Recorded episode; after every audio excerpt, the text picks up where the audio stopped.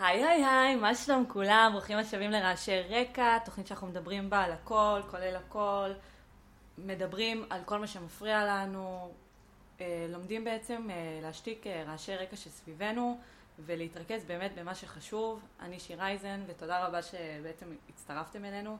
היום יש לי אורחת, תציגי את עצמך רגע. היי, מה קורה? אני רויטל. רויטל מה? רויטל דאגה. בואי תספרי מאיפה את, בת כמה את? אמ, אני מכפר סבא, אני בת 27. אמ, אני אימא לשתי כלבים מושלמים.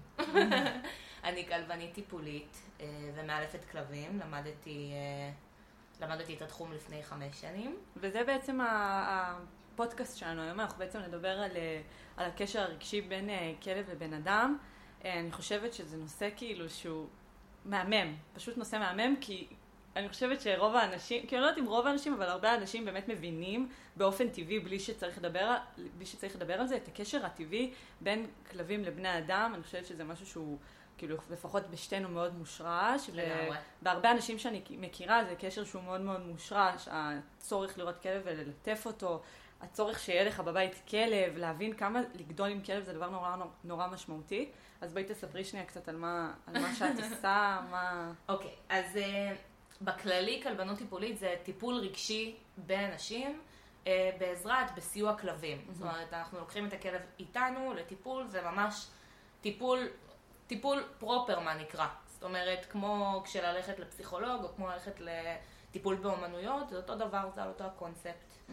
אה, אז אני ביום יום שלי אה, עובדת בעיקר באופן פרטני וקבוצתי עם קבוצות של מטופלים. אה, אני למדתי במרכז שנקרא מרכז אופק, אה, ואני היום עובדת שם, שזה ממש ממש מגניב. אה, במרכז עצמו אה, אני מנהלת את כל המחלקה של הילדים והנוער, ואנחנו עושים חוגים לילדים וקייטנות וכל מיני דברים כזה שמשמחים את הילדים, אבל באופן פרטי אני מעדיפה יותר להיכנס לפן הרגשי, אז אני עובדת עם ילדים על הרצף האוטיסטי, ואני עובדת עם פוסט-טראומטיים מהצבא. מהמם. ובואי תספרי קצת אה, מאיפה הגיע הקשר שלך עם כלבים. כאילו, למה, למה דווקא כלבים? למה דווקא בחרת לעבוד בעבודה שהיא ביום יום שלך את בוחרת לעבוד עם כלבים? למה? זו שאלה. אני לא יודעת איך הגעתי לזה. באמת שאני לא יודעת את בדיוק מה קרה. אה, אימא שלי מורה לחינוך מיוחד. איזה קטע, למה שהיא גננת לחינוך מיוחד? יא. מה את אומרת? לגמרי.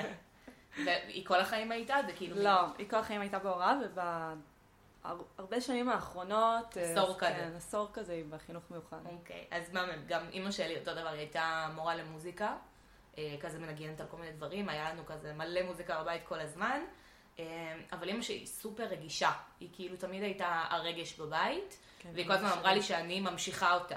זאת אומרת, יש לי עוד שלושה אחים, שתי אחיות ואח קטן. וכשאח שלי הקטן נולד, הוא קטן ממני ב...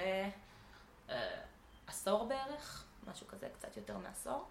אה, כשהוא נולד הוא אובחן אה, על הרצף האוטיסטי. וואו. כן. באיזה, גיל הוא אובחן? בגיל, בדרך כלל מאבחנים ילדים בגיל שנתיים. כאילו, אחרי שהם מתחילים את ההתפתחות שלהם. וההתפתחות לא תקינה, אז רואים שמשהו לא, לא תקין. איך זה היה למשפחה? אה, וואו, זה רגע, כמה אחים אתם? יש אחות גדולה. אוקיי, את אמצעית? אני אמצעית, יש אחות קטנה, והוא ה baby שלנו, התינוק של הבית. אוקיי, וואו, אז איך זה התקבל במשפחה? לאבא שלי היה הכי קשה, אני חושבת, כי הוא כזה, הוא כל כך חיכה לבן אחרי שלוש בנות, אה, והוא לא בן סטנדרטי, הוא לא יכול לשחק איתו כדורגל ודברים כאלה. אה, אבל הוא התרגל, זה עשה לו ממש ממש טוב, וזה כן. לימד אותו, זה לימד את כולנו המון על החיים, אה, על כמה שצריך להתאחד ביחד ולעזור, והיינו שם בשביל ההורים. וזה ככה, כאילו, ואז התחלתי בעצם להבין שאני אוהבת לעשות איתו דברים, וללכת איתו לחוגים, וכל מיני דברים כאלה, ו... כאילו ישר נרתמת. ישר נרתמתי, כאילו בלי, לא מצמצתי, הייתי ילדה בת 16, אמ, ונורא נורא אהבתי את זה. אמ, אני מאמינה שזה מגיע משם, אבל בצבא לא עסקתי בשום דבר שקשור לזה, כשהשתחררתי גם לא, טסתי בכלל אה, לעבוד בעגלות. אה, כן, בתאילנד זה היה משוגע. אמ, אבל אה, כשחזרתי לארץ מאוד חיפשתי את עצמי. אה, שזה בדיוק אה, בטווח גילאים שלך נראה לי. כן, כולם 23, כולם בסתירה 22. הזאת, כולם וואו, לא ידעתי. מה אני צריכה לעשות אף בחיים. אחד לא יודע מה הוא רוצה לעשות הייתי בחיים. צריכה להשלים בגרויות, והייתי צריכה זה, וכאילו אמרתי אולי אני אלך ללמוד וטרינריה, כי מאוד מאוד אהבתי כן. חיות וכלבים. והתחלתי להשלים בגרויות ולעשות פסיכומטרי. ו- וטרינריה בארץ זה גם נורא קשה. זה על גבול הלא אפשרי, גבול זה רק גאונים. זה אני לא. גאון, ויש לי בעיות קשב וריכוז, והיה לי ממש ממש קשה, אבל השלמתי בגרויות ועשיתי אפילו בגרות בפיזיקה ומתמטיקה, אוקיי? עשית יחידות. בתיכון. עשיתי איזה ארבע- שלוש יחידות בתיכון במתמטיקה, והשלמתי לחמש. לפיזיקה חמש, ועשיתי פסיכומטרי, כי לא הייתי ממש כי רצית את זה. רציתי את זה. ואז מה קרה? אה, לא יודעת, ואז פתאום כאילו היה לי איזה רגע כזה, שהסתכלתי באינטרנט וראיתי את ה... אה, כאילו ראיתי את הלימודים, אני לא זוכרת אפילו באיזה מקום. אה, חיים שלי. ואז אה, באתי, התחלתי אה, לחקור, התחלתי כאילו לשאול את עצמי, האם זה משהו שאני רוצה לעשות? אני רוצה עכשיו שמונה שנים מהחיים שלי ללמוד את הדבר הזה בלי סטאז', בלי כלום, ו... כן. איפה, איפה זה שם אותי מבחינה רגשית, כן. מה, מה אני רוצה. אה, ואז בגיל 23 וחצי כזה התחלתי ללכת למקומות. זאת אומרת, כתבתי לעצמי, עשיתי רשימה של מקומות שאני רוצה לבקר בהם, ממליצה תשמעי, לכולם. זה זה הופך להיות אה, פודקאסט על איך למצוא את עצמך בגילי ה-20. האמת שזה...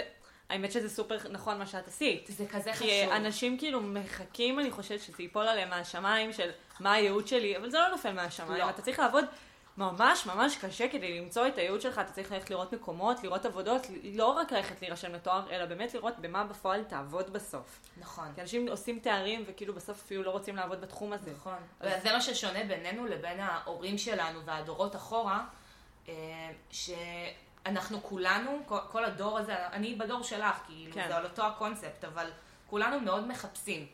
עכשיו, זה בסדר לחפש, אבל אה, יש מיליון דברים שאפשר לעסוק בהם. אני רואה את אחותי הקטנה, שהיא מאוד, אה, היא. כולה אומנותית כזאת, והיא לא יודעת להתמקד.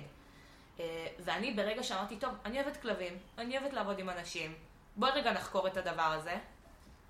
סליחה רגע, הם יתחילו לשחק עכשיו, אז יהיה לנו רעש. אה, אני רוצה רגע לחקור את הדבר הזה של הכלבים והאנשים, פשוט התחלתי ללכת לכל מיני מקומות, אה, כדי לראות איזה מקום אני יותר מתחברת אליו. הלכתי, הלכתי, הלכתי, בסוף הגעתי למרכז אופק, אני בכיתי שם בפגישה, למה? כי התרגשתי, כי אמרתי זה, אני רוצה פה. אני רוצה... אני. רוצה פה, אני לא זזה מפה. רגע, ומאיפה בא הקשר שלך עם כלבים? הבנתי מאיפה בא המקום הטיפולי. כן. מאיפה הגיע הקשר עם כלבים? אז כשאני נולדתי, בזמנו, את לא כזאת מבוגרת. אני מרגישה. אה, סתם, כשאני נולדתי, ההורים שלי קיבלו במתנה כלבה דלמטית. אה, היא הייתה בת חודש אין, וחצי. כשאני רואה בן אדם ברחוב עם כלב דלמטי, אני יכולה להגיד לך שאני נמלאת בקנאה, כי אני וואו. מרגישה שהוא מתנשא מעליי, כי יש לו כלב דלמטי, יש איזה כלב 101 כלבים דלמטי. תקשיבי, זה, זה הכלב הכי מרשים, הכי יפה, הכי מיוחד, ויש איזה כלב בגבעתיים, ש- איזה אה, מישהו שהולך בגבעתיים עם כלב דלמטי. אין מישהו? שלא רואה אותו ונמלא בקנאה, לא רק אני, כולם, וכולם כאילו אומרים, וואי, או שוב פעם, כי זה, מה, זה מרגיז, כאילו, כל זה יפה, הם כל הם כך יפים. מרשימים ויפים, אין, אין לא, גם- היא הייתה מדהימה, היא הייתה מושלמת, קראו לה קמילה גרסיה איזה משהו, אוקיי? היא הגיעה אלינו מ- מחו"ל. קניתם אותה? לא קנינו, אימא שלי קיבלה אותה במתנה איך? ללידה שלי. וואו. זה היה כאילו... מתנה, החלטה מדהימה. וואו. מתנה מדהימה. אה, זה היה כזה בדיוק כשהסרט אה, כלבים וגנבים, אז כאילו כלב זה היה. מאוד אה, טרנדי להביא כלב ברור. בעצם הייתה לי איזה קרובת משפחה בחו"ל שלא הסתדרה כאילו עם הכלב, לא פשוט הסתדרה. הביא אותה פשוט לארץ? הביא אותה לארץ. לאימא שלי, קחי, מתנה. ופשוט גדלתי איתה כל החיים, היא הביאה לנו גורים, כאילו עשינו לה המלטה. וואו. אה, והיו לנו 12 גורים בבית, לא כשאני נכון. הייתי בת 6, הייתי ככה עם כל הגורים. ותמיד, תמיד, לא. אני הייתי מהילדות שעוצרות כלבים ברחוב וקופצות עליהם. זה, כאילו אפילו בקטע לא סבבה, זה היה מוגזם. זהו, זה התחיל משם, כאילו, מהילדות. מהילדות. תמיד אהבתי. וזה פשוט המשיך איתך לחיים הבוגרים. זה המשיך איתי תמיד כשאיבדתי איבדתי אותה שבועיים לפני הבת מצווה שלי ורציתי לבטל הכל, הייתי כאילו בקרייסס של החיים, וזה היה נורא נורא קשה, ואימא שלי אמרה, בואי עכשיו הולכים ל-SOS מאמצים כלב. אה, שזה הדבר הכי טוב שהיא עשתה לנו, כן. כי היא הוציאה אותנו מה... מהאבל. אני חושבת שהמוות של, אה, של כלבים, אם כבר העלית את זה, אני חושבת שיש בזה משהו שהוא כאילו, הוא קצת קשה אה, להתמודד איתו ב, בחברה, נגיד את זה ככה, כי אנשים, אנשים שהם לא, לא גדלו עם כלב, או אין להם כלב, לא מבינים את הכאב בזה, הם חושבים שזה וואו. דבר שהוא באהלן אהלן, נגיד את זה ככה, אבל זה לא. זה, זה ממש מרגיש כאילו איבדת אח, או ממש. בן משפחה נורא נורא קרוב, או חבר נפש. ככה אני הרגשתי. כי זה חבר נפש. זה חבר נפש, ואנשים כן. לא מסתכלים על זה ברגישות, או מצפים לך יום אחרי זה כבר ללכת לעבודה, אין דבר כזה. וואו, ממש כאילו, לא. זה לא- צריך איזה שבוע של ויפאסנה. זה- באמת. זה דבר שהוא נורא נורא קשה להתאושש ממנו, ואני חושבת שמה שאימא שלך עשתה, שישר הלכתם לאמץ אה, עוד פעם כלב, זה דבר נורא נכון. אני יכולה להגיד לך שעכשיו שהכלב שלי נפטר לפני אה, ארבעה חמישה חודשים, יואו. נכנסנו כאילו לאמוק של דיכאון, בעיקר אה, אימא שלי ואחותי. אימא שלי הייתה באבל קשוח ממש, עד עכשיו היא די באבל, כאילו, זה לא... בן כל אדם שלא גדל עם. כלב לא יבין בחיים. כן, זה לא, וזה זה היה פשוט, אה, זה ריסק אותי, כי זה כלב שאני גדלתי איתו מגיל עשר, ו... ואז שהוא מת, אז כאילו, את יודעת, את רוצה מאוד להרגיש אה, מוכלת, מוכלת על ידי האנשים שסביבך, או לא יודעת, מקום העבודה שלך, חמלה. וכן, וכאילו, לא מרגישים את זה, לא מרגישים את החמלה הזאת, לא, אפילו לא נעים לך לבוא ולהגיד כאילו, כאילו, לאנשים קרובים ברור שאני אגיד שאני עצובה בגלל זה, אבל באופן בפרהסיה, כמו שנגיד עכשיו, חס וחלילה קרוב משפחה י- ימות, זה לא יהיה אותו דבר. שבעה. בדיוק, יושבים שבעה, ואנשים כן. מבינים את זה, ואנשים באים לנחם אותך, זה לא אותו דבר עם כלב, עם כלב זה כאילו כן ולא. טוב. כי זה תלוי. זה מאוד תלוי באיזה אנשים, אם זה אנשים שמבינים את זה, אה, ורגישים ומבינים את הקשר המיוחד בין בן אדם לכלב, אז ברור שהם יבינו. אבל אנשים יואו. שלא חוו את זה, אפילו לא, אפילו לא, כאילו אין מה לדבר איתם על זה. אז אני אשתף. אותך בקטע, היה לנו עכשיו... אה, אז זה מה שהיה לי עם הכלבה שלי, הייתי בת 12, לא הבנתי מה זה מוות באמת. כאילו, אתה היה כואב, פעם היה לי ראשונה. קשה. זה היה פעם ראשונה, וגם סבתא רבא שלי נפטרה באותה תקופה, זה היה כזה, בא. ביחד. אה, אבל אני ואריה עשינו קורס של כלבנות טיפולית, זה קורס של שנה וחצי, שנה ושמונה חודשים, משהו כזה, ובקורס את עושה את זה עם עוד מלא מלא חבר'ה, ועם הכלבים שלהם. כן. אה, וכחלק מהקורס התחברתי אה, לבחורה מדהימה, והיה לה גולדן שקראו לו ג'אנגו. יואו, גולדנים מושלמים. תקשיבי, זה לא היה גולדן סטנדרטי. זה היה, הוא היה החבר הכי טוב של אריה, הם היו בסטים, היו עובדים ביחד, כאילו, היה מדהים, עשינו את הסטאז' ביחד, אה, והוא חלה בסרטן, והוא נפטר ממש לא מזמן. וזה לא הכלב שלי, אבל נשבר לי הלב, הייתי שבורה. ברור. הייתי שבורה, הייתי שבועיים כאילו שבורה, הלב שלי התכווץ, לא יכולתי כאילו לשאת את זה. ברור. אז זה, כאילו, זה לא רק שזה הכלב שלך, זה כשזה כלב שזה קרוב אליך, או כלב שאתה מכיר והכרת המון המון שנים, נכון. זה באמת, הלב. כלב זה כולו לב, כאילו. נכון. וזה השם שלו, ככה הוא נועד, לזה, לזה הוא נועד, לתת את הלב שלו. ובואי תספרי לי קצת מה את עושה כאילו ב- בעבודה ש- שלך ביום יום. את קמה בבוקר, את אה, יוצאת מהבית, ואת מגיעה למקום עבודה, ומה את עושה? קודם כל המקום עבודה שלך הוא משתנה, כי לפעמים נכון. זה דינמי, כי לפעמים את ממש מגיעה לבית של המטופלים, ולפעמים זה במרכז. וואי, זה תלוי, ב, זה תלוי ביום, כי אני, יש לי בעיות קשב וריכוז קשות מאוד, ואני עובדת עם יומן מסודר, ואם זה לא רשום ביומן זה לא קיים. כן.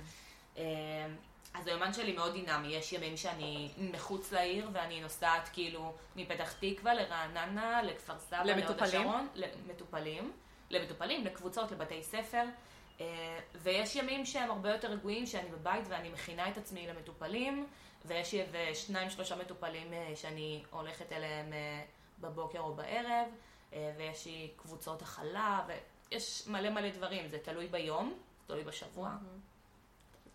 תלוי בהרבה דברים. אוקיי. ו- אז בוא נגיד תקחי אותי רגע למשהו סטנדרטי, מטופל, קלאסי. אז נגיד, מטופל קלאסי, אני מתחילה עבודה בדרך כלל בשעה אחת וחצי, שתיים עם מטופלים. לפני זה אני עושה הכנה אה, לטיפולים, זאת אומרת, אני מכינה כל מיני, או כרטיסיות, משחקים, כל מיני דברים כאלה. את אה, מכינה גם את, את אריה? אה, את אריה לא כל כך צריך להכין. היא באה מוכנה, זאת אומרת, אנחנו... רגע, למי שלא מבין, אריה זה הכלבה הטיפולית שלה, שכאילו תסבירי קצת. אריה היא כלבה טיפולית, העברתי אותה הכשרה של אה, שנה במסגרת הלימודים, והיא כבר בת שלוש, יש לה יום הולדת שלוש ב-24. מזל טוב. אוי, תודה. אנחנו נכין לה עוגה. גם אה, אנחנו, אני באה, כשהקלטי חגג אה, בר מצווה, גיל 13, עשינו לו בר מצווה בבית. יואו. עשינו לו עוגה, מסיבה. והבני דודים הוזמנו, האמיתיים, כאילו שלי, והכלב בן דוד שלו הוזמן, והיה חגיגה כאילו עם זר. ושירים. כן, חמודי. לא, אנחנו גם, אני עם המטופלים שלי, אני חוגגת לה. ברור, כל אחד מה מכין זה? עוגה, וקונה מה לה מתנה, את? יודעת איך היא הם נהנית. יודעים, הם יודעים שעושים יום הולדת. וואי, הם מתים על זה. היא מתה על זה, היא מתה על מתנות. אמ, אז אריה היא כלבה טיפולית. אמ, שאת אימצת למטרה הזאתי? אני לא אימצתי אותה, אני קניתי. אותה. אה, ק- קנית אותה. נכון, אריה היא בורדר קולי אה, גזעית, וקניתי אותה במיוחד לעבודה. אמ, זה חייב להיות כלב גזעי, סתם אה, מעניין. זה חייב להיות סוג מסוים של כלב, מן הסתם. זה צריך להיות כלב שיכול להכיל המון. אוקיי. אוקיי? זה צריך להיות כלב אה, שבאופי שלו יכול להכיל אנשים, יכול להכיל מגע, זה כלב שיכול לעבוד איתי הרבה שעות. ואיזה גזעים נופלים תחת הקטגוריה הזאת? יש המון, יש, אתה רואה אוסטרלי, יש פודלים, ותכלס לא חייב להיות כלב ספציפי, אני אומרת פה כי גם מאן שהוא כלב מעורב, והוא מדהים, מאן זה הכלב השני שלי, אה, הוא בן עשר, והוא הכי לא מרגיש בן עשר, אה, והוא עובד עם מטופלים והוא נהנה, אבל הוא לא יכול להכיל את הדברים שאריה מכילה. אז כמו- קנית אותה למען המטרה של לה- להכשיר נכון. אותה להיות כלבה טיפולית. לגמרי. אוקיי. זה היה לגמרי בשביל זה, והיא הוכשרה, ועבדנו ביחד, ועברנו דברים מטורפים. במהלך של הקורס. מדהים. אה, היה לי קשה, וזה זה מאוד מאוד עוצמתי כשאתה עובר את זה ביחד. כאילו, זה כמו לעבור לימודים של ארבע שנים ב- בשנה, ואתה עושה את זה עם חבר הכי טוב שלך בעולם, וזה מדהים. וואו. זה מדהים. זה נשמע מושלם. זה מדהים, מדהים, מדהים. ובעצם היא עברה את ההכשרה, אה, עשינו מבחנים וזה, ואחרי זה עשינו עוד סטאז'. והיום היא, היא באמת מדהימה. יש לה... היא מכילה ברמה הכי גבוהה שיש. אני עובדת מהמם. איתה עם ילדים על הרצף האוטיסטי, אבל בתפקוד מאוד מאוד נמוך. זה ילדים שצועקים ו...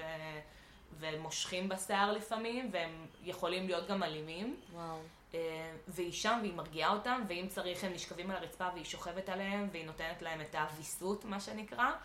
אה, ואם צריך היא פשוט שם כדי שיזרקו לה משחק וישחקו איתה, והיא יכולה גם אה, מאוד להרגיש אה, מטופלים מבוגרים שהם אה, נכנסים, נגיד, אה, אני עובדת עם, במקביל לזה אני עובדת עם, עם חבר'ה פוסט-טראומטיים מהצבא, וואו. שהם מבוגרים, וכשהם נכנסים ל... לסטרס, כשהם נכנסים לסטרס וללחץ, אז, אז אריה שם כדי לשים עליהם את היד, או לקפוץ עליהם וללקק להם את הפרצוף ורגע להרגיע אותם. כן. אז בעצם התחלת לספר לי על ה... על היום-יום שלך, שאת נגיד אוקיי. מגיעה למטופל סטנדרטי. נכון, אז בעיקרון, כמו שאמרתי, אני מתחילה את היום, אני, מחנות. אני קמה מוקדם, אני יוצאת עם הכלבים בבוקר, ואז אני עובדת, אה, עובדת עם הכלבים קצת בחוץ, זאת אומרת על טריקים, פורקת להם אנרגיה. הם יודעים אה, לעשות אה, תרגילים וכל מיני כן, דברים? בטח, הם מגניבים, טוב, הם אחר- יודעים להתחבק. אחר כך תראי לי. ברור.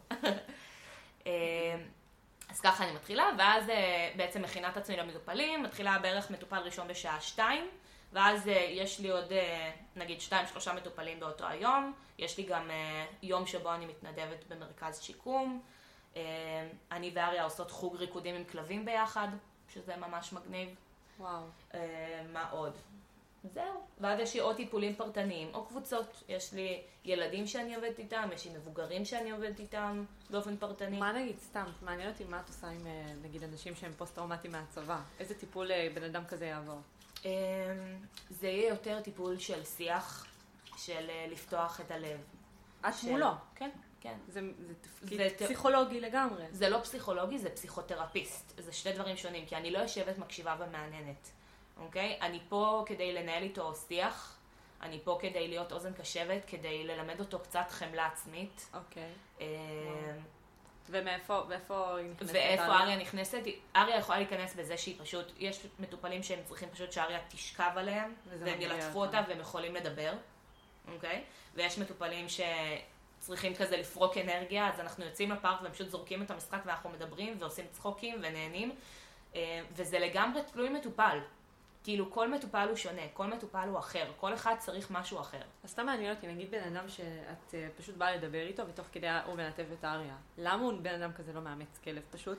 אה. ואם הוא מבין כמה טוב זה עושה לו, הרי באמת זה משחרר כל כך הרבה לחץ פשוט ללטף כלב, זה כל כך מרגיע. אז למה בן אדם ש, שמרגיש את זה ויודע את זה, ומכיר בזה, למה הוא לא מביא כלב לחיים שלו? תראי, אם מדובר. זה, זה תלוי בהמון דברים, כי להביא כלב זה להביא עכשיו מישהו לדאוג לו. כן. ו- ואנשים שמאוד קשה להם אחריות, כן. לדאוג לעצמם, אמ, שזה זה הפער בין מה שהם רוצים למה שהם יכולים לשאת כרגע. אז המפגש הזה של פעם בשבוע לשעה, זה מאוד עושה להם טוב. וואו. אה, כי זה אומר כאילו אני יכול לקחת את האחריות הזאת ורגע לדאוג לכלב ואפילו ללמד אותו טריקים ו- ולהראות כל מיני דברים אה, לכלב, להכין עבורו דברים, להאכיל אותו, לתת מעצמו עבור הכלב, לקחת אותו לטיול, זה מעצים. גם ילדים וגם מבוגרים, כאילו לא משנה לאן תסתכלי על זה, אה, זה מאוד מעצים. אני רוצה, כאילו מעניין אותי מה בכלב באמת כל כך מרגיע אנשים, איפה זה יושב בפיזיות שלנו, בהורמונים שלנו, מה קורה בעצם כשאנחנו נמצאים באינטראקציה עם כלב.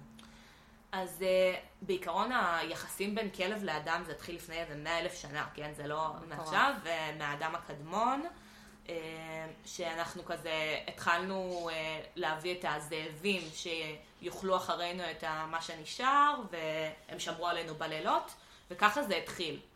Uh, ואז בעצם בני אדם גילו שכשהם ישנים עם הכלב בחיבוק, אז הכלב מחמם אותם, אוקיי? שהוא מחמם אותם לא רק פיזית, זה חימום גם רגשי ומאוד מאוד עמוק אצלנו. אנחנו כשאנחנו מלטפים וכשאנחנו נוגעים בפרווה, אה, מופרשים אצלנו הורמונים. יש את ההורמון של הדופמין, אם אני לא טועה, נראה לי. זה הורמון האהבה, השחרור. אה, ובעצם זה מה שמופרש אצלנו כשאנחנו מלטפים את הכלב. זאת אומרת, זה, זה מה שנקרא הורמון האהבה, זה השחרור, זה השלווה, זה הרגע להירגע, רגע לתת לגוף אה, לנשום. אה, אז זה מבחינה פיזיולוגית. ומבחינה מחשבתית, זה שאני נמצא ליד כלב שהוא בעל חיים שהוא לא, הוא לא צריך ממך כלום. הוא רק, רק תהיה שם. רק תהיה שם, אני אהיה פה, אני לא אשפוט אותך בחיים. אז זה נותן לנו את, ה, את המקום אה, להיות מי שאנחנו, ולפתוח את הלב. אה, ולהרגיש הכי בטוחים בעולם, כן. שזה כיף.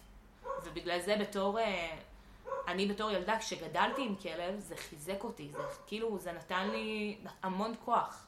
כן. אז כאילו, אני מאוד רוצה שאנשים יעשו את זה, זה מאוד חשוב לאמץ כלבים. תביאו כלב הביתה. אני גם, ההורים שלי הביאו לי בעצם אה, את הכלב שלי בגיל עשר, את אה, פאפה, חמוד שלי. פאפה, כן. יואי, זה שם מושלם. שם מושלם, הוא היה תחש מעורב. והם הביאו לי אותו כי היה לי בעיות שינה כילדה, אני ממש היה לי. חרדות, חרדות שינה, היה לי קשה להירדם בלילה, פחדתי מהחושך וכל הדברים האלה. ובעצם כשהוא, הם הביאו אותו לישון, הוא היה ישן איתי במיטה גם כי כי הוא הכי אהב אותי, אין מה, אין מה להגיד, אחותי, אחותי עכשיו תקשיב לזה והיא תיפגע, אבל זה היה נכון.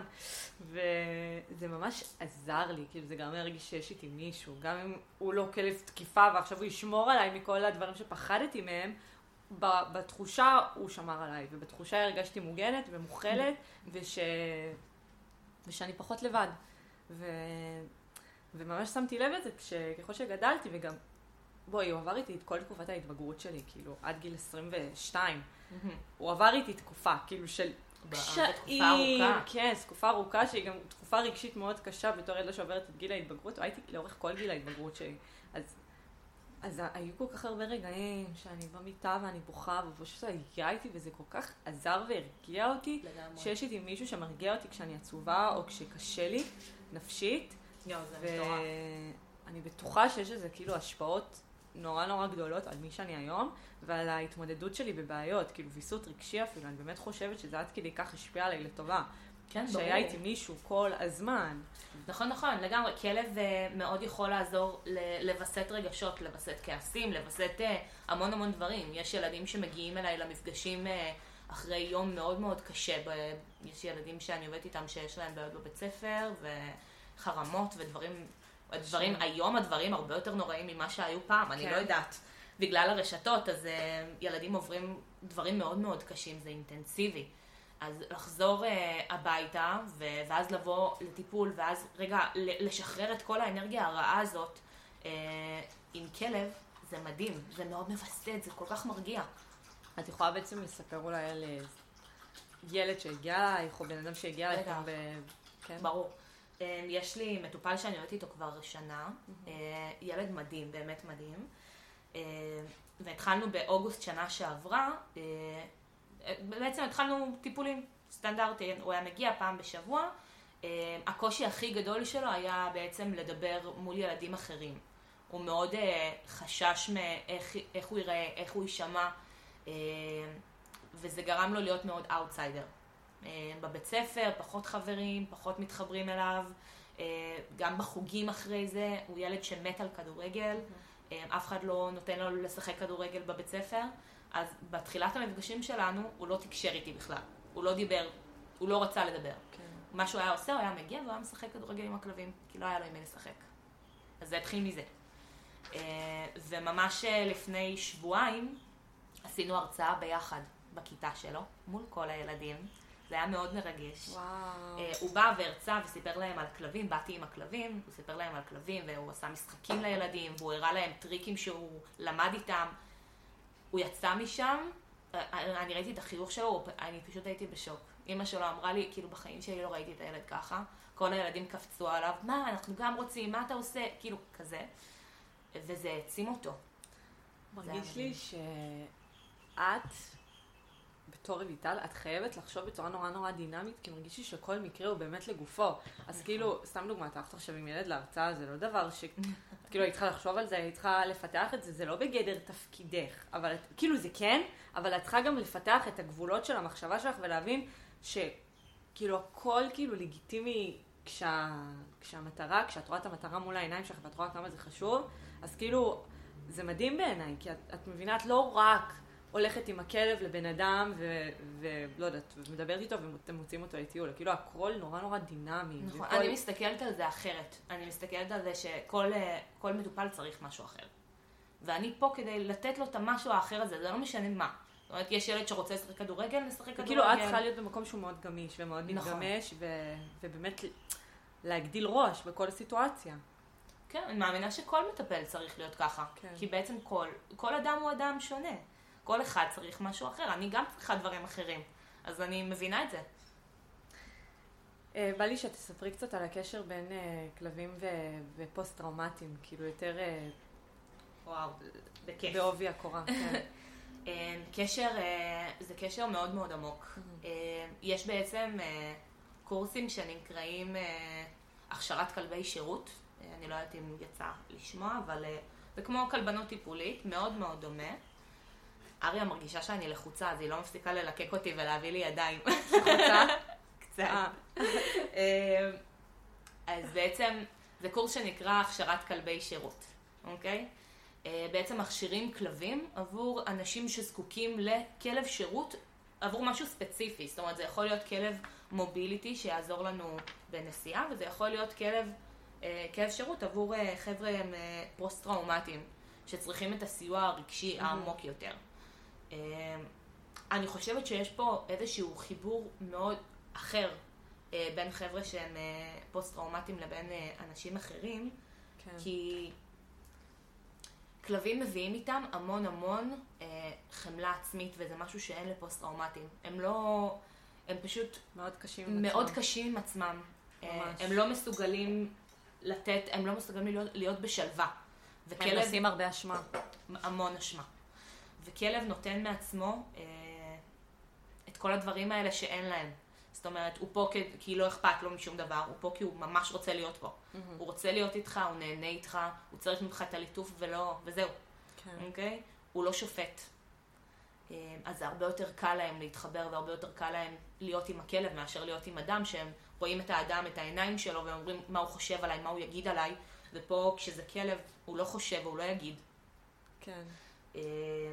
ובעצם יש אה, במגע רך, אוקיי? מה שדיברנו עליו, אז אה, אנחנו משחררים את הדופמין ויש את האנדרופין, שזה בעצם עוד כימיקל שנמצא אצלנו, כן. שזה משכך כאבים טבעי שלנו של הגוף. וכשאנחנו נמצאים במגע עם כלב או במגע בכללי עם אה, בעל חיים או עם משהו רך, זה משתחרר בצורה אוטומטית. וזה באמת משכך כאבים טבעי של הגוף. וואו. אמ, אז אה, אחד הדברים שפוסט-טראומטיים צריכים זה את הדבר הזה. זאת אומרת, רגע להרגיע את הגוף, להרגיע את הנפש, וכלב יכול לעזור להם בזה. בגלל זה כשהם נכנסים לטראנס או להתקף, אז הכלב שם את הראש ונותן לו, ונותן, ומלקק לו את הידיים, כדי שהבן אדם ייקח את הידיים שלו ויתחיל לשים אותם על הכלב וילטף, ולאט לאט יחזור למציאות. פוסט-טראומטי, מה שהם חווים, הם חווים, בעצם יש הבדל בין טראומה לפוסט-טראומה. ופוסט-טראומטיים בעצם חווים את כל הדבר הזה, את כל מה שהם חוו מחדש כל כל הזמן. הזמן. אה, והכלב פה כדי להחזיר אותם למציאות, שזה וואו. מדהים. מטורף. זה מטורף. זה מטורף.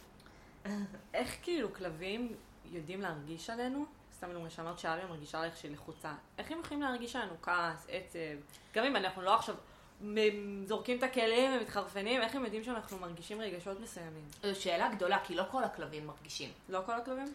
אני לא מאמינה שכולם. יש כלבים שהם פשוט קצת יותר אדישים לזה. זאת אומרת, יכול להיות שהם מרגישים, אבל הם פשוט קצת יותר אדישים. אבל אני חושבת שאולי כאילו כל כלב שלא יודעת, גדל לצד בן אדם הרבה שנים, כנראה שהוא כן ירגיש. בדיוק, לא? אז אה, אם יש כלב שהוא גדל לצד מישהו, אז הוא מכיר אותו כבר. כן. הוא יודע, הוא מכיר את הניואנסים, הוא יודע אה. מה, מה, מה הדברים הכי קטנים. זאת אומרת, אפילו אני, כשאני קמה בבוקר, אה, אז אני פותחת את העיניים, ואני, ולפעמים אני מסתכלת על עצמי במראה, ואני אומרת, וואי, בוקר טוב, בוקר טוב, היום יהיה יום טוב. ואז כשאני אומרת את זה, אז אריה ומן שניהם קופצים על המיטה, ובאים אליי להתלקלק, כאילו, היום יהיה יום טוב, כן, היום יהיה, אל תדאגי, אמא. הכל סבבה, אל תדאגי. אה, אז אה, הם לגמרי רגישים אליי, כן. אוקיי? אבל אם יהיה פה בן אדם אחר והוא יעשה את מה שאני עשיתי, רוב הסיכויים שהם לא, הם לא יקפצו עליו. כן. אז זה תלוי אדם. אבל אה, כן, כלבים מאוד איך? רגישים אלינו. איך אבל? כאילו, איך הם מצליחים להרגיש? אה. איך הם יודעים? איך את מצליחה להרגיש? כן, אבל מרגיש לי שהיכולת הרגשית הקוגניטיבית של בן אדם היא, מאוד מפותחת, ואנחנו גם יכולים להשתמש בוורבליות. לכלבים אין את הוורבליות הזאת, והם לא השפה של הכלבים מבינים, היא שונה. הם לא מבינים מה אני אומרת. הם כאילו, אז, אז מעניין אותי איך הם יכולים להרגיש עליי. זה לא לפי מה שאת אומרת, זה לפי איך שהגוף שלך מגיב למה שאת חושבת. אוקיי? הם, הם רואים, הם משתמשים, השפה שלה משותפת לנו ולכלבים זה שפת הסימנים, זה שפת הגוף. כן. אוקיי? אז הם מרגישים על ה... עלייך, נגיד, אה, אם הרגל שלך עכשיו מתחילה לרעוד, אז הרי את תראה שהרגל שלי רועדת, והיא תבין. והיא תבין, וואו. אוקיי? משהו פה לא סבבה. אה, אצל פוסט-טראומטיים, אז באמת הגוף שלהם מתחיל לרעוד, והם נכנסים לטראנס, יש כאלה, ויש כאלה שפשוט מסתובבים בחדר, ויש כאלה שפשוט אה, יתכנסו בעצמם ויתחילו לבכות, אז הכלב רואה. זאת אומרת, הוא, כמובן שהוא גם רגיש לדברים האלה, כלב של, אה, של חבר'ה פוסט-טראומטיים, אבל אה, עליי, אריה ממש מרגישה כל פעם. סבא שלי נפטר לפני שנתיים, הייתי בדיכאון של החיים, פשוט ישבתי כל היום בכיתי, והיא הייתה שם. היא כל היום הייתה אצלי, היא לא זזה ממני. כי היא באמת לא זזה ממני פיזית, היא פשוט נשענה עליי, כאילו, אמא, הכל בסדר, אני פה, אל תדאגי, אני אחזק אותך כזה. אני אה, קראתי מחקר על, אה, על קשר בין אה, בני אדם לכלבים, ואני... היה מחקר מדהים שאני קראתי, ובמחקר בעצם הביאו לכלבים אה, ריחות שונים של הבעלים שלהם, ופעם אחת הבעלים היו כועסים יותר או לחוצים יותר, ופעם אחת הבעלים היו יותר שמחים, ושהביאו את ה... אני חושבת שלקחו ממש דגימות זיעה. כשהביאו את הזיעה לארח לכלב, שהבעלים היה אה, שמח לעומת שהוא היה עצוב וחרד יותר, הכלב הגיב באותה צורה. כאילו, כשהביאו לו את הריח של הבעלים שלו, כשהוא עם זיעה שהוא, שהוא שמח, אז הכלב נהיה ישר שמח. וכשהביאו לכלב את, ה, את הדגימות זיעה של אה, בן אדם שהוא בחרדה, של הבעלים שלהם שהם בחרדה, אז הכלב הגיב באותה צורה. כאילו, ממש מריחים עלינו ומגיבים לזה. כן, כן, הם מגיבים לזה, יש להם חוש ריח מפותח אותנו, ברמות, הם כן? מכירים אותנו ברמות, את הריח, את הריח שלנו, כשאנחנו. מרגישים משהו מסוים, זה מדהים. ברור. החוש ריח שלהם מאוד מפותח. זאת אומרת, הם מריחים פי איזה 80 אלף יותר מאיתנו, ולכן כשאנחנו, אם אני עכשיו אצא מהבית ואני אלך לטייל ואני אחזור הביתה ואני אהיה בכניסה לרחוב או בכניסה לבית, הם יריחו שאני מגיעה, הם יודעים שאני בדרך, אוקיי? אז זה אחד הדברים שכנראה קשורים לזה, כן. אבל גם אה, אה, יש לנו ריח, הריח שלנו הוא מאוד מאוד פיזיולוגי. כן. זאת אומרת, הזיעה שלנו היא מאוד פיזיולוגית. אם אני, יש זיעה של סתם חם לי ויש זיעה של אני. לחוץ ברמות ואני חרד. אז אה, הם מריחים את זה. אמ, האם יש לקשר עם כלבים אה, השפעות בריאותיות? אז כן, יש, אה, בדיוק אפרופו מחקרים, יש מלא מלא מחקרים באמת שקשורים לזה. אה, יש אה, מחקרים שקשורים לירידה בלחץ דם ו- וסוכרים, אוקיי? שממש כלבים, אה, אנשים שגדלו עם כלבים או אנשים שהביאו כלבים ראו ירידה משמעותית בלחץ דם שלהם. וואו. וגם, בלי שום קשר לזה, יש מחקרים באוניברסיטאות שונות בארצות הברית ובאוסטרליה, אה, שבעצם, אני, אני קוראת את זה כי אני לא זוכרת מהראש, אני הכל מצטערת. בסדר. אבל בעצם אה, אנשים שמגדלים חיות מחמד, הם נמדדים עם ערכים יותר נמוכים של אה, לחץ דם והפחתה ברמת החרדה. וואו. זאת אומרת, כשאתה נמצא עם כלב, גם בגלל ההורמונים שאנחנו מפרישים וכל הדברים האלה, אבל גם אתה נמצא עם עוד מישהו, אוקיי? הכלב ועוד מישהו שנמצא איתך כדי להיות שם איתך וכדי לחזק אותך, כמו שאמרנו קודם, אה, וכשאתה גדל עם כלב מגיל מאוד מאוד צעיר, אתה אף פעם לא לבד. נכון. אתה אף פעם לא לבד, תמיד יש איתך עוד מישהו, שזה מדהים. כן. אז בגלל זה, אני מאמינה שבגלל זה רמת החרדה יורדת בצורה משמעותית. אם אני הולכת לטייל לבד, כבחורה, אני הולכת לטייל לבד ואני הולכת לטייל עם כלב, זה שתי דברים שונים וואו, לחלוטין. שמיים וארץ. את מבינה? כאילו, ממש. אני הולכת לטייל לבד, רוב הסיכויים שאני אפחד, אני אסתכל על צדדים ואני כזה... בכוונה, כן. ואם אני מטיילת עם הכלבים שלי, אני לא מפחדת. אין- בי את מרגישה פחד. בלתי מנוצחת, וזה לא משנה. אם זה צ'יוואווה לא או. של פיטבול, כאילו, זה לא באמת. לא משנה. ואיך היית, כאילו, אם אנחנו מדברות שנייה על אה, פרידה מכלב, כאילו, איך מצליחים להתמודד עם דבר כזה? וואי, זה- זו שאלה כזו גדולה, זה קשה ברמות. כל העניין הזה של פרידה מכלב, זה אנשים שאין להם כלב לא יבינו. כן. אמ, זה מאוד מאוד קשה להיפרד מכלב. זה כאילו, זה מאוד עמוק, זה מאוד, אה, כי זה באמת חבר נפש. זה חבר נפש שאיתך כל הזמן, כי הוא גם לא צריך ממך שום דבר. זה מה שיפה אהבה כל כך בכלבים, זה שלא משנה להם אם הבעלים שלהם עשירים או עניים, או שמנים, או רזים, או יפים, או מכוערים, או... כאילו לא משנה להם כלום, לא משנה להם הנראות, לא משנה להם הסטטוס החברתי, לא משנה להם באיזה בית הם גרים, לא משנה להם כלום, כאילו הם באמת לא אכפת להם, העיקר שתהיה איתם ותאהב אותם, לא משנה להם כלום, וזה זה מה שכל כך יפה בזה. נכון, ואני אגיד לך מה, אה, זאת הסיבה שכלב יכול להיות מטפל. בגלל כל הדברים האלה שאמרת, זאת הסיבה שכלב יכול לטפל, כי באמת לא, לא משנה לו. לא אכפת לו מי אתה. נכון, הוא בעצם, הוא לא מסתכל עלייך כ... כאדם, הוא מסתכל כן. עלייך כ... הוא לא מסתכל עלייך כמי את, מה את עושה בחיים, הוא מסתכל עלייך כאדם. כן. כאת בשבילי ואני בשבילך. והפרידה מהכלב היא מאוד מאוד קשה. אני עברתי אה, שתי פרידות. כואבות. זה נהיה יותר קל עם הזמן? לא, ממש לא. פרידה זה, זה קשה תמיד. זה קשה כשזה בן אדם, זה קשה כשזה כלב, זה קשה כשזה מישהו שקרוב אליך. כן. זה קשה, זה שובר את הלב. אה, אבל אני חושבת שהמקום הכי, מה שהכי צריך לעשות, אה, זה ללכת ולהביא עוד כלב. ישר אחרי?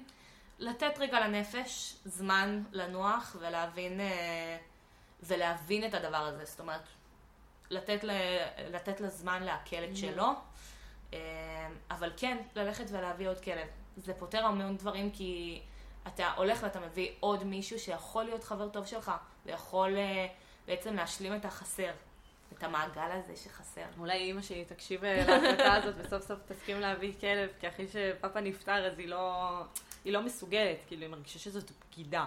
נכון, כי זה כואב, זה שזה- כואב, זה מרגיש שזה בגידה. כאילו הוא מסתכל מלמעלה ואומר, איך אתם יכולים לעשות דבר כזה, איך אתם יכולים להחליף אותי, אבל זה לא להחליף אותו. אבל ההפך, דווקא אני חושבת שכלב שמסתכל מלמעלה הוא יגיד, איזה כיף שמצאתם חבר נפש חדש. נכון. כאילו, אני כל כך שמח בשבילכם. צריך להסתכל על הדברים בצורה נכון. כזו. גם אני חושבת. ואת מרגישה שאת מגשימה את עצמך ביום יום עם העבודה. שלך? ברור, ברור, אני בהגשמה עצמית, אני נהנית מכל רגע. כל יום אני- את כמה שמחה אני ועם כמה מוטיבציה? שמחה, עם מוטיבציה. ברור. יש ימים קשים כמו לכולם, ויש ימים שקשה, הייתי שבוע חולה והיה לי ממש ממש קשה, אבל אני באמת אוהבת את מה שאני עושה. ואני חושבת שזה מה שהחבר'ה הצעירים, את, אתם מפחדים לעשות את מה שאתם אוהבים. באמת. למה אני את חושבת? תגידי. כי יש כל כך הרבה דברים שאנחנו אוהבים, ואם אנחנו, יש פומו. קשה יש לבחור פומו, קשה נתיב אחד. כן. אבל ברגע שאתה, ברגע שאתה נכנס לגל ואתה אומר לעצמך, וואלה, אני אוהב את זה, זה מעניין אותי, אולי אני אעשה את זה. כן. למה לא? בוא ננסה. מה כבר יכול לקרות? אני, אני יכולה כאילו להעיד על, אה, על הדור שלנו, באמת מה שאת אומרת, זה שאנחנו כל הזמן, קשה לנו מאוד לבחור אה, נתיב מסוים, וקשה לנו להתביית על משהו אחד ולהגיד, טוב, על זה אני הולך כרגע, כי אנחנו כל הזמן אומרים, אבל יש עוד כל כך הרבה אופציות. יש. גם לי יש מלא אופציות. אני חושבת שמה שאת עשית הוא נורא, הוא נורא נכון, שכאילו הלכת לראות את, ה, את המקום במו עינייך, שהלכת לראות את העבודה במו עינייך, שרצית לראות במה תעסקי, אם תלכי ללמוד את זה. זה חשוב. זה חשוב, זה ממש חשוב. ההמלצה שלי זה לקחת דף ועט ולרשום, מעניין אותי א', ב', ג', ד', אבל מה הכי מעניין אותי מבין כל הדברים האלה? ומה היית רוצה נגיד להתפתח? כאילו, מה, מה היה החלום שלך? לאן היית רוצה לשאוף להגיע עם התחום הזה? וואי, יש לי מלא חלומות. אין לי חלום אחד. זה דבר טוב שאת אומרת את זה. אין לי חלום אחד. זאת אומרת, אני, באמת אני רוצה להתפתח בתחום, ואני רוצה לעבוד עם כמה שיותר מטופלים, אה, ולתת מעצמי כמה שיותר לכמה שיותר אנשים, לתת את הכלבים שלי לכמה שיותר אנשים, כי הם מדהימים. אה, אבל אה, מבחינת התפתחות אישית, אני רוצה לא להפסיק ללמוד. זאת אומרת, כל הזמן ללמוד עוד, אני כל הזמן לוקחת קורסים נוספים, זה לא משנה מה זה ולמה אני צריכה את זה, כן. זה בשביל עצמי. כן. לקחת, ללמוד, כדי שלא יהיה הפומו הזה, אז אני באמת הולכת ולומדת לטבול ומשכילה. אצבעות בכמה שיותר כן. תחומים. לטבול את עצמי בכמה שיותר מקומות. אה, אז זה, זה אחד הדברים, זה בעצם, זה חלום שאני מגשימה, אבל יש לי המון המון מקומות שאת, ודברים שאני רוצה ללמוד ו, ולדעת, אז אני מגשימה את זה בהדרגה. אבל באמת, נראה לי החלום הכי גדול זה פשוט אה, להמשיך לעשות את מה שאני אוהבת, כאילו ליהנות, עדיין לקום כל בוקר וליהנות.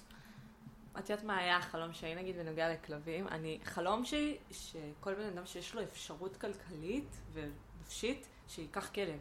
כאילו, קחו כלבים, כל אחד שיש לו את האפשרות והוא מסוגל מנטלית להשקיע בדבר כזה, ההשקעה אולי מבחינתו, לא יודעת, תהיה 20 אחוז, ההשקעה מהכלב תהיה 100 אחוז. כאילו זה, הוא- לדעתי הוא כן, וואי, אני לא ירוויח. יודעת מה אני חושבת על זה. אני חושבת שכל בן אדם שמסוגל ויכול, כלכלית, נפשית, מנטלית, זמן, אנרגיה, שייקח.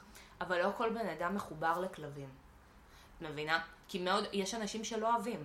וואי, דיברנו על זה בטלפון, שכאילו, אני לא אוהבת אנשים שלא אוהבים כלבים, זה כאילו... לא, זה לא שאני לא אוהבת, אני לא קשה אוהבת. לי להתחבר. אני לא אוהבת אותם, אני לא סומכת עליהם, למה אתם לא אוהבים כלבים? כאילו, אלא אם כן תקף אתכם כלב בילדות. אז כאילו, סבבה, זה סבבה, אני מאשרת. אם לא, אז כאילו, מה, מה הקטע שלכם? מה הקטע? אתם לא אוהבים כלבים, אתם. לא אוהבים שיער, אתם לא אוהבים... מה, מה לא בסדר איתכם? אתם מנותקים מכל דבר טבעי שיש. לעולם להציע. אני חושבת שזה אנשים, אנשים שפחות אוהבים כלבים, זה אנשים שפחות אוהבים לדבר רגש ולפעול רגש. זה אנשים שיותר קשה להם במקום הזה, וזה בסדר, יש אני- אנשים כאלה, אין מה לעשות. לא נכון, אני לא חושבת שאנשים קרים וה... לא יודעת, אולי יותר אנליטיים הם לא אוהבים כלבים. יש הרבה לא, אנשים... לא קרים ואנליטיים. זה לא הכוונה. אז, הכוונה היא להכיל עוד מישהו מבחינה רגשית.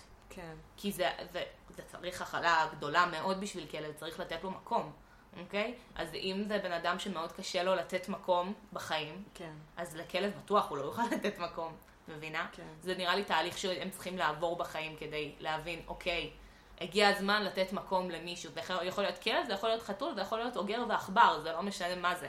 כן. אבל כן לתת מקום לעוד מישהו, ולהיות, כאילו, שיהיה לי אכפת מעוד מישהו, זה קשה. וואי, זה לוקח אותי, השיח הזה לוקח אותי אה, לסיפור שאני זוכרת שהכלב שלי גסס, ו... ואז לקחנו אותו ל... כאילו, הייתי, הייתי, היינו בבית, ו...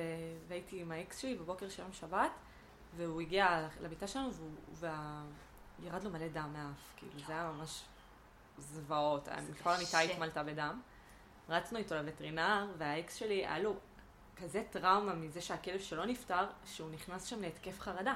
יואו, ואנחנו מחזיקים את הכלב כדי שהוא יעבור טיפול אצל הווטרינר. ופתאום אני קולטת את, הבן- את הבחור לידי מתעלף. יואו. הוא לא הצליח לעמוד על הרגליים, הוא נהיה כסיד והזיע ברמות, והווטרינר עושה לו, טוב, תשב, כאילו, אתה לא ממש עוזר כרגע, עוד שנייה מתעלף. כן. כאילו הדבר הזה, זה כל כך משפיע עלינו רגשית, ה- הפרידה מכלב, הקשר עם כלב, כאילו זה נורא קשה, כאילו וואי, היום אני כאילו ממש מבינה אותו, זה היה נורא נכון, קשה. כי בתור ילדה מה את מבינה? את- כן. יש לך כלב, את אוהבת אותו, הוא אהבת חייך, אבל אה, כשאת הופכת לאדם בוגר, את מבינה, וואי, זה השפיע עליי ברמות. כן. זה גרם לי להיות מי שאני, כאילו, נכון, לגמרי זה מי שאני. ובעתיד אני אביא כלב, אמן. בעזרת השם. מאחלת לך. תודה. אמן. ו- וזהו, נראה לי הגענו בכל הנקודות. נראה לי שכן. יש עוד משהו שאת רוצה להוסיף? אה, תאהבו כלבים, מושלמים. תאמצו כלבים, חברים, יש כל כך הרבה כלבים לאמץ, באמת, תלכו, תאמצו, גזעי, לא גזעי, כאילו, פשוט, זה לא משנה. זה לא משנה. זה לא משנה, זה לא איזה סטטוס מסוים, כלבים זה לא תכשיט, כלבים זה לא סטטוס, כלבים זה לא פריט אופנה. לא. ותאמצו כלבים ותאהבו אותם, והם יביאו אתכם פי אלף, ו- וזהו. ותודה רבה. תודה לך, היה מהמם. היה לי הכי כיף בעולם, וזהו, ותודה רבה לכם, חברים, תודה שהקשבתם. אה, תהיו אנשים טובים, תאמצו כלבים, וזהו, אנרגיות חיוביות, ביי. Back in the cup, add it up, add it up.